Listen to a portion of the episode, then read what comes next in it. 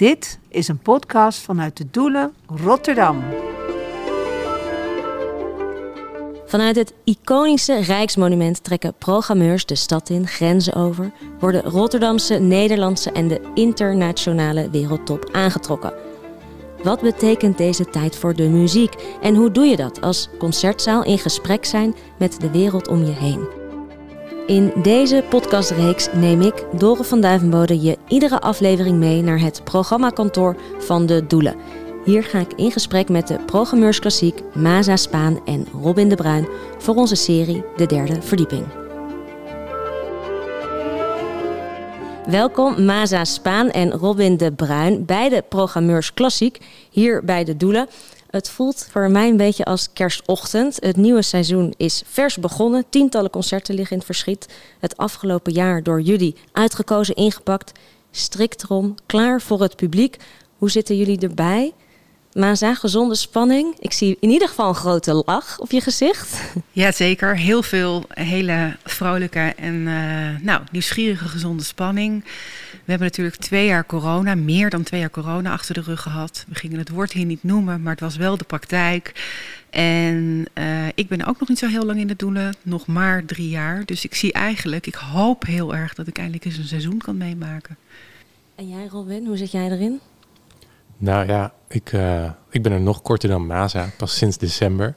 Dus uh, nou ja, het seizoen moest eigenlijk heel snel klaar liggen. Dus, dus we hebben in een hele korte tijd hebben een soort pressure cooker sessie gedaan. En heel snel is er iets. Uh, en eigenlijk ziet het er best wel. Ik heb er heel veel zin in. Het ziet er heel leuk uit. En ja, ik heb gewoon zin om een om een seizoen hier mee te maken. Om een seizoen mee te maken. Zo voelt het ook. Het voelt ook echt van het gaat beginnen. Weet je wel, de mensen eh, komen deze kant op en het dak gaat eraf. In onze serie, de derde verdieping, hebben we het erover hoe een programmering tot stand komt. Jullie werk, dat die niet losgezongen is van de wereld om zich heen. En vandaag, onze eerste aflevering, is daar een beginnetje van. Want er kan zoveel muziek gemaakt worden. Je moet dat als programmeur wel oppikken. En het liefst voor de troepen vooruitlopen een grove schatting? Hoeveel uur aan muziek hebben jullie voor dit seizoen geluisterd? Nou ja, het is, het is niet zo dat we een, een stapel cd's hebben liggen en dit gaan we nu voor dit seizoen luisteren. En dan uh, uh, volgens mij, ja, je, je pikt gewoon in de loop der tijd van alles en nog wat op. En je gaat naar heel veel concerten, je luistert cd's, je krijgt tips van anderen. Uh, ja, je kijkt veel om je heen en, en dat allemaal bij elkaar. Je krijgt mailtjes van mensen, heel veel mailtjes. Maar duizenden. duizenden mailtjes met luister naar mij, ik ben er. Of die daar, ver weg. Maar jullie luisteren natuurlijk meer dan de gemiddelde mens, ja. denk ik. Dus elke dag wel zitten jullie met een koptelefoon op. Heel even te, van wat is dit nu? Nou, er komt veel nieuws voorbij en dat luister je zeker. En uh, nou, in normale tijden die gewoon weer aangebroken zijn, zeg ik nu, zit je ook heel veel in de zaal. Dus en in de doelen zelf, maar ook vooral uh, op andere plekken. Uh, om te horen nou ja, wat er allemaal speelt. Ja. En of er dingen zijn die we hier moeten plaatsen. En ook om gewoon bij te houden wat er gaande is. Ja. En om voor de troepen uit te kunnen lopen. En waarvoor staat dit seizoen voor jullie? Nou, ik denk dat dit seizoen in zijn algemeenheid wel echt staat voor wederopbouw. En dat vind ik wel een mooi begrip hier in Rotterdam. Omdat de stad daar natuurlijk ook altijd vol van is. Maar er is wel veel gebeurd de afgelopen twee jaar. En de wereld is dusdanig veranderd. En ik denk blijft het veranderd. Dus wat mij betreft gaan we heel goed kijken van... Uh, ja, welke wereld zijn we beland? En, en hoe gaan we dat allemaal doen? En het leuke is wel ook dat wij, zowel Robin en ik ja, heel veel nadenken over de concertpraktijk. Dus het hele fenomeen naar een concert gaan en hoe je dat vormgeeft. En hoe het publiek dat ervaart. En uh, nou ja, dat we daar dus heel veel mee bezig zijn. En dat daar ook wel de toekomst op gericht zal zijn. Ja, eigenlijk is het dus een heel breed beroep wat jullie hebben. Je moet aan veel verschillende facetten moet je over nadenken. Ik zou in eerste instantie denken, een programmeur die het allerbelangrijkste is dat je een, een muzikaal oor hebt. Maar eigenlijk als ik jou zo hoor, gaat het ook om nieuwsgierigheid. Omdat je zoveel facetten bij elkaar moet brengen. Nou, ik denk wel dat het, het muzikale oor is natuurlijk wel heel erg belangrijk. Het is wel het allerbelangrijkste. Maar er is een heleboel bij, komt een heleboel bij. Waar je ook heel goed in moet zijn. Of in ieder geval wat je heel goed op de radar moet hebben. Ja, en dat muzikale oor, het allerbelangrijkste, heb je dat altijd al gehad? Ik heb het geluk dat ik van jongs af aan vioolles heb gehad op heel hoog niveau. Daar ben ik later weer mee gestopt, omdat ik geblesseerd, geblesseerd raakte. Maar dat maakt wel dat mijn oren goed ontwikkeld zijn, ja. En verandert dat in de loop der jaren eigenlijk? Een gehoor? Is dat bij jou veranderd? Dat je anders bent gaan luisteren? Ja, op twee manieren. Eén is het zo dat als je veel uitvoeringen hoort, verschillende interpretaties, dat dat je gehoor ontwikkelt. Maar je stelt eigenlijk een hele leuke vraag, omdat het luisteren aan zich is heel erg een 19e eeuws fenomeen. Door veel te weten, door veel kennis te hebben van een Beethoven symfonie, kan je die muziek eigenlijk het beste tot je nemen. Tegelijkertijd leven we nu in een tijdperk waarin uh, door de hele digitalisering en alles, hoe, hoe, de wereld nu in elkaar zit, we eigenlijk dingen veel associatiever ervaren. En Alessandro Barrico heeft daar een mooi boek over geschreven, De Barbaren. En het gaat erom dat als je nu iets ervaart, dus dat kan in dit geval gaat het over muziek, dat je veel associatiever eigenlijk luistert. En daar zitten voor ons programmeurs ook hele mooie kansen. Want daarmee kan je soms luikjes openen en bijvoorbeeld een thematisch programma maken. En daarmee appelleer je dan net aan iets anders of net aan iets meer dan alleen puur zuiver aan muziek. En dan kan je soms ook een breder publiek bereiken. Ja, en dan zou ik ook denken, Robin, is het een goed, wat goed klinkt eigenlijk, dat is dan heel persoonlijk. Ja, dat, en dat is ook gelijk weer wel een interessant punt. Of voor mij persoonlijk een heel interessant punt wat je aanstipt. Want de, de vraag die ik mezelf vaak stel is... in hoeverre moet je je persoonlijke smaak en je voorkeuren leidend laten zijn? En wanneer moet je afstand daarvan nemen en denken... maar dat ben ik zelf. En dat is een soort grijs gebied, vind ik in ieder geval... waar je, waar je denk ik wel altijd bewust van moet zijn... Waar, waar eindigt je persoonlijkheid, zeg maar, en waar begint ja? Want je moet toch voor, voor heel veel mensen probeer je een goede keus te maken. Ja. Dat, dat is het doel. Ja, je wil niet dat er alleen maar Robins of alleen maar Maza's in het publiek nee, zitten. Echt niet. Nee. nee, dat lijkt me best lastig. Hoe doe je dat dan? Heel veel horen. Dat is, dat is één ding. Dat is wat Maza net al zei. Hoe meer je hoort, ook hoe, hoe breder je, weet je, je begint of dat ik zelf, je begint met ontdekken en, en, dan, dan luister je naar iets heel kleins, naar een paar dingen en het worden er meer. En op een gegeven moment hoor je zoveel, dan ja, je, je gaat vanzelf voor meer openstaan. Dat, dat gebeurt gewoon. En je publiek goed kennen. Ik denk dat dat ook wel, dat onze rol als intermediair daar een hele belangrijke in is. Dat je, tenminste in deze tijd, heel goed nadenkt. Je kunt een Matthäus op allerlei verschillende Matthäus-passie kun je op allerlei verschillende manieren. Uh, zijn er uitvoeringen van. En uh, je kunt een hele nieuwe Matthäus-passie neerzetten. Maar dan moet je ook goed nadenken van ja, wie, wie, wie, wie maakt het daar gelukkig ja, mee? Ja, en ik kan me ook voorstellen dat als je zelf veel concerten bezoekt, dat je daar ook een soort vingerspitsen gevoel bij krijgt. Want het is ergens ook een gevoel natuurlijk. Dat je, hoe langer je ergens programmeur bent, hoe meer je voelt, oké, dit is de signatuur um, van deze concertzaal. Daar gaan we het uh, straks over hebben, ja? Nou, je voelt heel erg als het uh, zindert en als het uh, sprankelt. En ik denk dat dat een soort, dat dat wel, wel een soort oergevoel is wat je ontwikkelt door gewoon heel veel mee te maken. Ja, ja ik, in de zaal. Ik denk wel, en dat zeg ik ook altijd tegen iedereen. Je, weet je, het maakt echt niet uit of je ooit klassieke muziek hebt gehoord, maar je voelt gewoon als iets goed is, dat voel je in je buik. Of als iets niet goed is. Dat, dat, dat is het uitgangspunt. Ja, en je voelt het, wat jij inderdaad ook zegt. In een zaal voel je een beetje zo'n tinteling door de zaal gaan. Je voelt dat iedereen, echt niemand die zit meer te graaien naar mobieltjes. Of iedereen, er, ja, er zweeft iets, lijkt het wel. Omdat iedereen intent in het moment zit. Dat is het misschien ja. wel. Ja. Dat je dat leert oppikken. En ik denk dat de kunst voor ons is om die muziek de muziek te laten zijn. Maar om de barricades die nu soms een beetje nog eromheen zitten. Van dat traditionele, het zijn conventies hè, waarin we elkaar geleerd hebben hoe we naar een concert moeten gaan. Maar die zijn niet altijd nodig. Ja. Natuurlijk is het fijn om naar muziek te luisteren. Maar je hoeft er niet wat van af te weten om in de pauze uh, erbij te horen. Nou, dat is een goede brug, want deze serie die gaat over hè, het opbouwen van het programma, de wisselwerking tussen traditie en de nieuwe tijd. Wanneer spreek je nou van het een en wanneer van het ander? Wanneer is het traditie en wanneer is het nieuwe tijd? Of overlappen die ook met elkaar? Robin. Ja, als je het zo, zo naast elkaar zegt, dan lijkt het net alsof het een het ander uitsluit. En volgens mij is het heel belangrijk. En ook ons uitgangspunt dat het een het ander helemaal niet uitsluit, maar juist kan versterken. En ik denk dat dat is waar we naar op zoek zijn. Hoe kun je die traditie die wij in ieder geval met z'n tweeën al heel mooi vinden. En heel veel mensen daarbuiten en in de zaal ook. Want ik bedoel, we zijn hier met z'n allen en we werken hier graag. We gaan hier graag naar het concert. Hoe daar, nou ja, wat Maza net ook al zei, daar willen we niet zoveel aan doen. Daar hoef je niet zoveel aan te doen. Die muziek, dat is, dat, daar zit de traditie in. Hoe presenteer je hem? Dat, dat verandert. De muziek, daar zit de traditie in. Dat is wel heel mooi. Dus het gaat eigenlijk om de factoren daaromheen, die ingrediënten waaruit het concert is opgebouwd.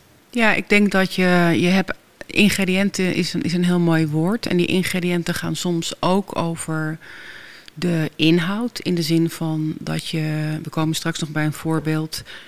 Sommige muzici die hebben een heel duidelijke lichtregie, zeg maar, bij hun programma.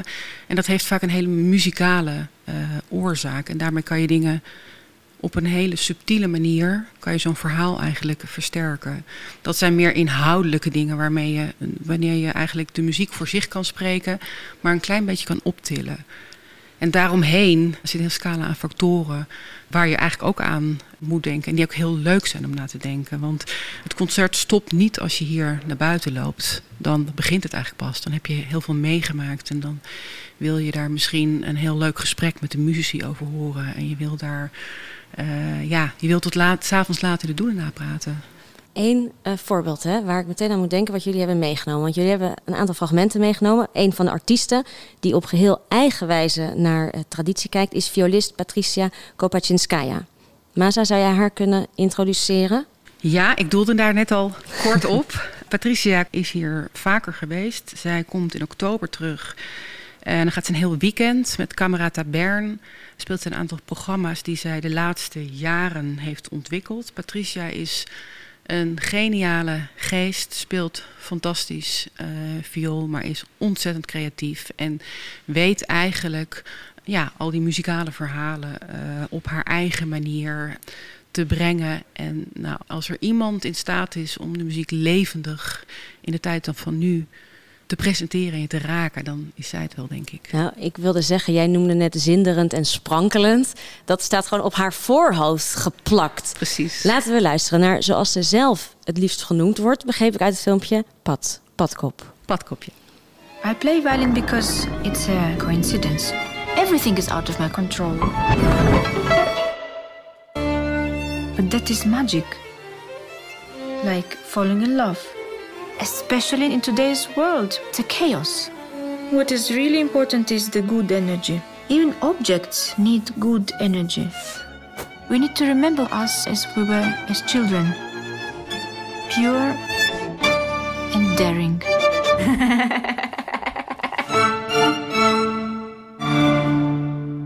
die lach, daar val je natuurlijk meteen voor. Dan ben je meteen verliefd. En ik vond zo'n mooie quote van haar ook... I don't like a good sound. Sound is something personal. Dat zinderende en stuurse en onconventionele...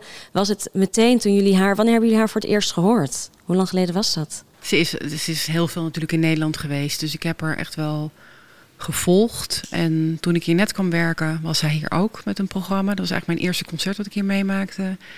En wat heel leuk is, dat zij in de coronatijd is zij hier geweest. En hebben we ook een programma met haar opgenomen. Daar mochten toen maar heel weinig mensen bij. En nou, dat was een ontzettend groot feest. Zij neemt ook, weet je, dat is helemaal geen ster. Zij neemt iedereen voor zich in. Ze is met iedereen, met, met alle mensen op de vloer. Ze is, ja, en dat is dus zo'n concert waar je bij bent en voelt, oké, er hangt iets in de lucht. Magisch, ja. Dat iemand, dit is, iemand kan dat dus teweeg brengen. Dat is uh, ongelooflijk talent natuurlijk.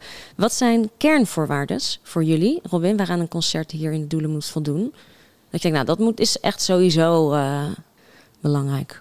Het, uh, ja, wat je, wat je altijd wil is dat het ergens zit het gevoel, dit is de moeite waard om mensen te laten kennen, om te laten leren kennen. En er spelen heel veel factoren mee. En grappig genoeg, afgelopen week heb ik heel veel concerten gehoord uh, van heel veel jonge mensen, vrij experimenteel ook, festival. En daar bedacht ik me eigenlijk dat hele nieuwe dingen vielen me op, dat die voor mij opeens heel belangrijk waren. Dingen als uh, kwaliteit of, of, of weet je, hoe, hoe goed iemand speelt of hoe zuiver of, of wat dan ook. Dat zijn een soort van ja, kernvoorwaarden in de hele muziek. Maar ook gewoon bijvoorbeeld humor of lichtheid. Dat iemand niet meer het podium opkomt en zichzelf super serieus neemt en die plek inneemt. Maar juist, en dat vond ik heel fijn om te merken, dat er een bepaalde lichtheid kon zijn. Dat mensen zo zeker waren over wat ze aan het doen waren, dat het eigenlijk heel licht werd en leuk. Dat ze het gewoon naar hun zin hadden. Ja, en, dat- daarmee het publiek eigenlijk een beetje optilt, Ja. heb ik het idee. En dan kun je dus best wel iets experimenteels, onbekends, eh, weet je, iets geks horen. Maar ze nemen je mee in, in, in iets van, hey, het is niet zwaar, het is oké. Het is, eh, weet je, we zijn hier gewoon iets leuks aan het doen. Het is fijn, het is, doe mee, wees er onderdeel van. En, en dat vond ik zo, dat viel me op aan het eind van die week, dat ik dacht, dat is voor mij nu echt belangrijk. Is dat ook een beetje hoe dan vervolgens de signatuur van de doelen voor jullie, hoe, hoe dat ontwikkelt? Is dat iets vaststaands of voel je een beetje, nou dat kunnen we een beetje sturen, wij zien wat er in de wereld verandert. Dus de signatuur van een concertzaal verandert ook. Wij willen een concertzaal zijn waar we muziek op het allerhoogste niveau, ook in alle genres, presenteren. Maar we proberen wel heel bewust de affiniteit, de connectie te maken met wat er nu gaande is. En dat kan net zo goed oude muziek zijn, die op een hele sprankelende manier wordt gespeeld. Maar wat Robin net noemt, weet je, net eventjes dat, nou toch weer dat zinderende, daar zijn we natuurlijk wel op gespitst. Daar zoeken we wel naar. Ja, en jullie hebben een voorbeeld, een fragment meegenomen van een muzikus van deze tijd. Ehm, je hebt net al een beetje dat gezegd eh, wat jou dan zelf opvalt. De muzikus anno nu, zou je die kunnen omschrijven? Ik denk dat de muzikus anno nu, zoals iedereen eigenlijk wel, gewoon breder aan het worden is. En ik denk dat, dat, dat we dat ook verwachten van mensen nu. Iedereen zit op Instagram, iedereen krijgt alles mee van over de hele wereld, de hele tijd dingen. En dat laten ze toe in hun leven. En ik denk waar vroeger heel veel mensen gefocust waren op studeren, studeren, studeren, repeteren, repeteren. En dat omarmen ze nu veel meer alles wat er om zich heen gebeurt. En het is een bron van inspiratie en creativiteit. En ze gebruiken hun eigen tools die ze hebben, eh, namelijk heel mooi kunnen spelen, om, om, om daar iets mee te doen. En dat, dat vind ik heel erg van nu. En heel De fijn. totale muzikus eigenlijk. Ja, die er ook goed uitziet. En Ja. heel bewust is met hoe ze op de foto staan. En hoe ze op het podium komen lopen. Wat voor lichtplan, zoals Maza net zei. Al die dingen. Die associaties, waar we het ook eerder over hadden. Vroeger was eh, diepgang was heel veel over Beethoven lezen en heel veel interpretaties daarvan leren kennen. En dan kon je het eigenlijk zo goed mogelijk ervaren. En het is niet zo dat dat niet meer bestaat, want nog steeds brengt dat veel verdieping. Maar daarnaast, ja, de wereld is gewoon, eh, het loopt allemaal erg in elkaar Ja. over. En het is leuk om te zien dat die muzici daar ook gebruik Ja. van maken. Jullie hebben Vodjes Eat meegenomen. Een introductie, Robin, of wil je meteen hem erin gooien? Nee, nou, ik denk als je het hebt over stijlvol en weten hoe je eh, op film gaat. Bijvoorbeeld hun filmpjes zijn prachtig. eh, hoe ze eruit zien, dat, dat klopt. Het is, ja, het klopt gewoon. Er is niks sufs of stoffigs. Alle associaties die misschien vroeger bij a cappella muziek nog kwamen kijken. Het is gewoon heel fris, heel sprankelend. Eh, het klopt We gewoon. gaan luisteren. Vodjes Eat Lux Eterna.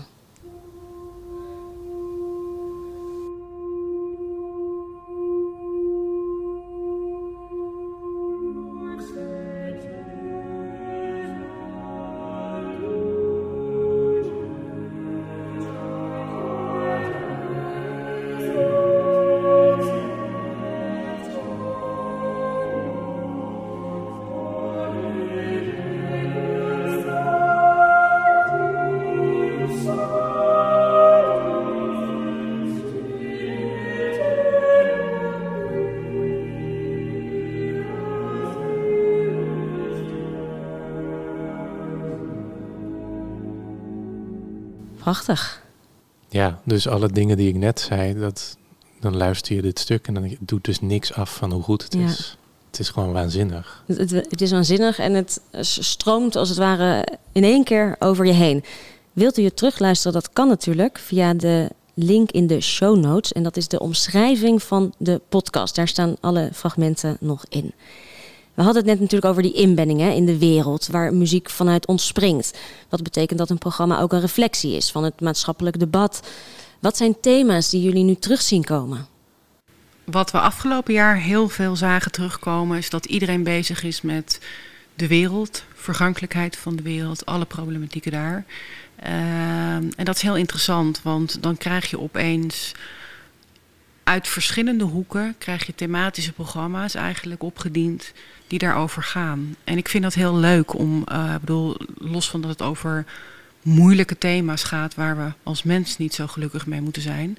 Maar ik vind het heel leuk dat muzici zich als kunstenaars ook daartoe verhouden. En het, het, het maakt ook, uh, de muziek geeft het ook een. een, een uh, want die muziek gaat natuurlijk over noten en die spreken voor zich. En dat is eigenlijk een universele taal. Maar door daar een thematische invalshoek voor te nemen, maak je het wel meer onderdeel van de wereld waarin die mensen leven. Ja, en hebben jullie zelf wel eens dat je het luistert en dat je, nou, ik weet niet of troost het goede woord is, maar dat het biedt we ook een beetje houvast. Heb je dat ook wel eens als programmeur daardoor? Omdat je gewoon nog net iets meer soort van handvatten hebt om uh, je ook een beetje te kunnen bewegen in de wereld. Nou, het leuke is dat, om, omdat het heel vaak gaat over muziek die eigenlijk al heel lang bestaat, dat er met een bepaalde creativiteit opeens een connectie wordt gemaakt waarvan je denkt, hé, hey, dit klopt helemaal. En dan krijgt zo'n stuk krijgt een hele nieuwe functie. En dat, dat doet me eigenlijk een beetje denken aan een quote van Rem Koolhaas, de architect. En die zegt, ja, een gebouw heeft twee levens. Eentje is als je hem ontwerpt, maar het tweede is als mensen erin gaan wonen. En dat vind ik ook heel, dat, dat voelt voor mij heel kloppend met hoe muziek wordt gebruikt nu. Uh, er wordt niks afgedaan, weet je, de noten worden niet veranderd. Maar het wordt in een context geplaatst, er wordt iets aangehangen of er wordt een connectie gemaakt waarvan je denkt, oh ja, wauw. En dat tijdloze, dat, dat, dat iets overstijgende wat het dan krijgt, dat uh, is, ik weet niet of troost voor mij persoonlijk is. Ik denk wel dat het die functie voor mensen heel erg kan hebben. Maar gewoon ook de verrassing die je opeens, muziek die je kent of die je niet kent, van honderden jaren oud in een nieuwe context, dat is. Het krijgt weer een andere stem. Ja. ja, het krijgt weer een andere stem. Waar ik dan meteen aan moet denken is jullie voorbeeld. Een concert waar je niet omheen kunt. En um, vooral als het gaat om het zetten van een nieuw tijdsbeeld. Met hun motto Champion Change and Celebrating Diversity in Classical Music. Het Sineke Orchestra. Jullie hebben hier een fragment van meegenomen. Waarom, Maza? Het Sineke Orchestra komt in het najaar. Uh, zij zouden al eerder komen, maar dat is vanwege de corona, de pandemie, uitgesteld. En dit is nou ook een van die thema's. Black Lives Matter. Het was gewoon heel duidelijk, de muziekwereld moet aan de bak. Iedereen moet een plek op het podium krijgen. En ook de kanon, die moet herzien worden. Uh, want er is zoveel, er is zoveel rijkdom aan, aan muziek die geen plek heeft gekregen. Democratischer moet het Precies. worden. En ja. uh, het Sineke Orchestra, die hebben daar enorm voor getekend. En nou, furoren meegemaakt. En dat is echt een, uh, een internationaal toporkest geworden. En heb je ze live gezien? Ze hebben hun allereerste concert in Nederland ooit hier in de Doelen gehad in 2015 bij Classical Next. Dus ja. We gaan luisteren. Sineke Orchestra.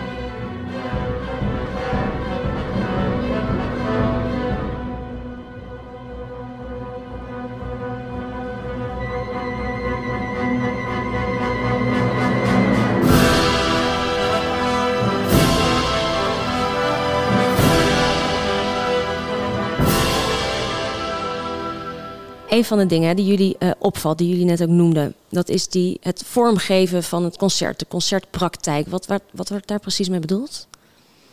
Een concert, nou ja, Mazen zijn het, een concert begint eigenlijk pas als je, als je weggaat. Dan, maar eigenlijk begint een concert al als je, nou ja, op het moment eigenlijk dat je naar de website gaat. En daar, er zitten zoveel elementen die uh, te maken, of die van invloed zijn eigenlijk op dat wat op het podium gebeurt. En heel lang is onderschat hoeveel het doet met een mens om gewoon een drankje te kunnen doen voor het concert bijvoorbeeld. Of een nagesprek achteraf waar je vragen kunt stellen.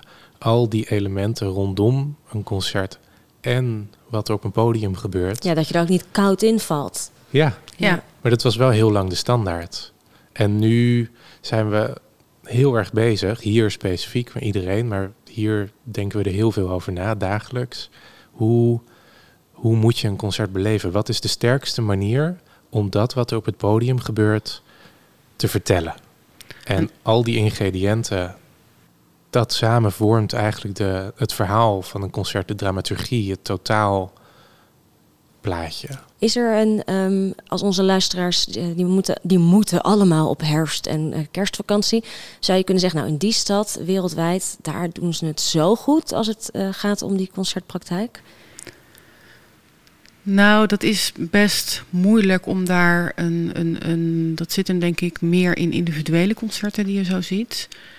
Er is wel een voorbeeld, denk ik, maar daar kunnen mensen misschien nog in de toekomst naartoe. Wij waren laatst bij een concert hier in de onderzeebootloods. Dat werd gegeven door Ludwig en de uh, sopraan en dirigente Barbara Henningen. En zij vertolkte daarin, ze dirigeerde, maar ze vertolkte daarin ook zelf de sopraanrol. En daarmee had ze een enorme.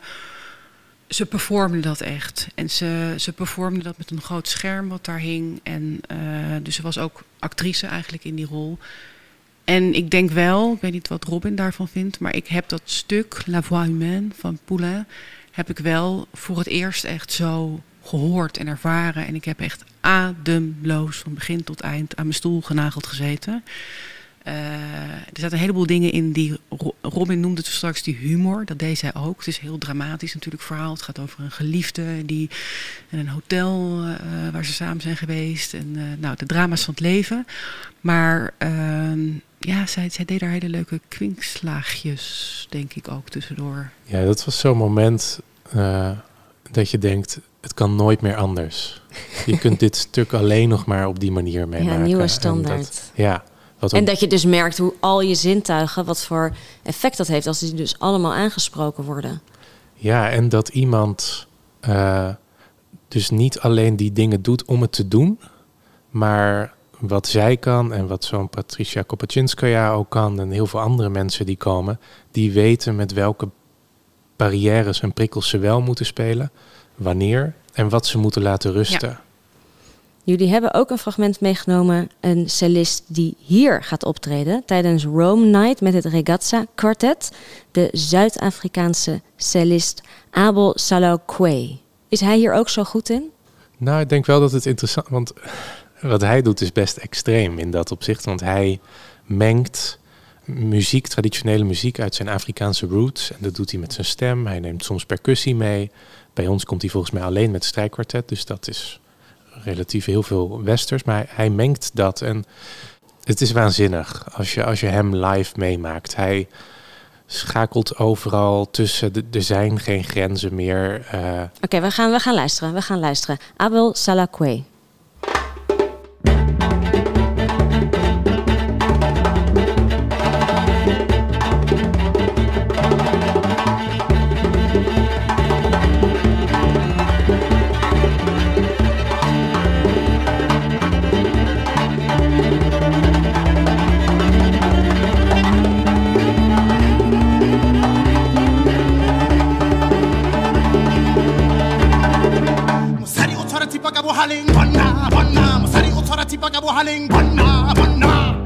Awel Salakwe. Ik moest meteen denken aan een vraag die nog in mijn hoofd zong. Namelijk, jullie zijn programmeurs klassiek. Hoe strikt is het nou dan eigenlijk nog om zo in genres te denken? Niet. Want als ik jullie inderdaad zo hoor, zou ik denken, ja, dat, het is zo vloeibaar. Ja, dat is leuk dat je dat zegt, want uh, vanuit zo'n gebouw denk je natuurlijk nog heel hoog over in genres en lijnen die je uitzet. Maar uh, in praktijk is het zo dat de muzikanten van nu werkelijk elke grens overgaan die je maar kan bedenken. Omdat ook, ja, ze zijn veel breder vaak ook aan het kijken. Dus uh, ik vind dat heel leuk. Ik vind dat heel mooi. Ja, hebben jullie een tip voordat we gaan afsluiten? Een tip voor het komend seizoen? Van allebei een tip, Robin? Nou, één, uh, één leuk programma wat misschien een beetje onder de radar blijft anders, omdat het misschien niet zo spectaculair is als, uh, als Abel, is uh, in onze serie Aanstormers hebben een uh, kamermuziekconcert van vijf hele bijzondere muzici die echt de sterren van de toekomst zijn. En het leuke is, die, die komen voor het eerst samen. eh, hier in de Doelen. Dus het zijn, ze hebben allemaal wel onderling. Het zijn mensen die je op festivals en overal wel ziet. Maar nog nooit samen op deze manier met z'n vijven. En uh, er zit heel veel creativiteit in het programma. Maar op een manier het gewoon hele mooie stukken samenkomen. Die je niet zo vaak hoort. Dus uh, dat is voor een hele fijne zondagochtend. De aanstormers, zondagochtend. Maza? Ik denk dat het leuk is om een concert te noemen 2 oktober. Uh, aantekeningen bij een wereld die verdwijnt. Uh, dat hebben wij ontwikkeld samen met het Laurens Collegium en de schrijfster Eva Meijer. En dat is dus heel erg een programma waarin een soort reflectie is op de wereld die verdwijnt, maar ook op een hele mooie en sprankelende manier. Nieuw werk van Aart Strootman, de Rotterdamse componist. En dat alles bij elkaar in een nou ja, totaalprogramma waarin een mooie lichtregie zit. Dat wordt denk ik een heel spannend en spectaculair programma. Dus Robin's Tip, het Kamermuziekconcert, is 26 maart 2023. Die van Maza, aantekeningen bij een wereld die verdwijnt, 2 oktober aanstaande. Ga voor alle data naar de doelen.nl. Dank Maza Spaan en Robin de Bruin, de programmeursklassiek. En dank aan jou, mijn luisteraar. Alle uitgezonden fragmenten kan je terugvinden in de omschrijving van deze podcast. Volgende keer hebben we het over hoe de programmering inspeelt op actuele thema's. Abonneer je op onze podcast De Derde Verdieping en tot de volgende keer.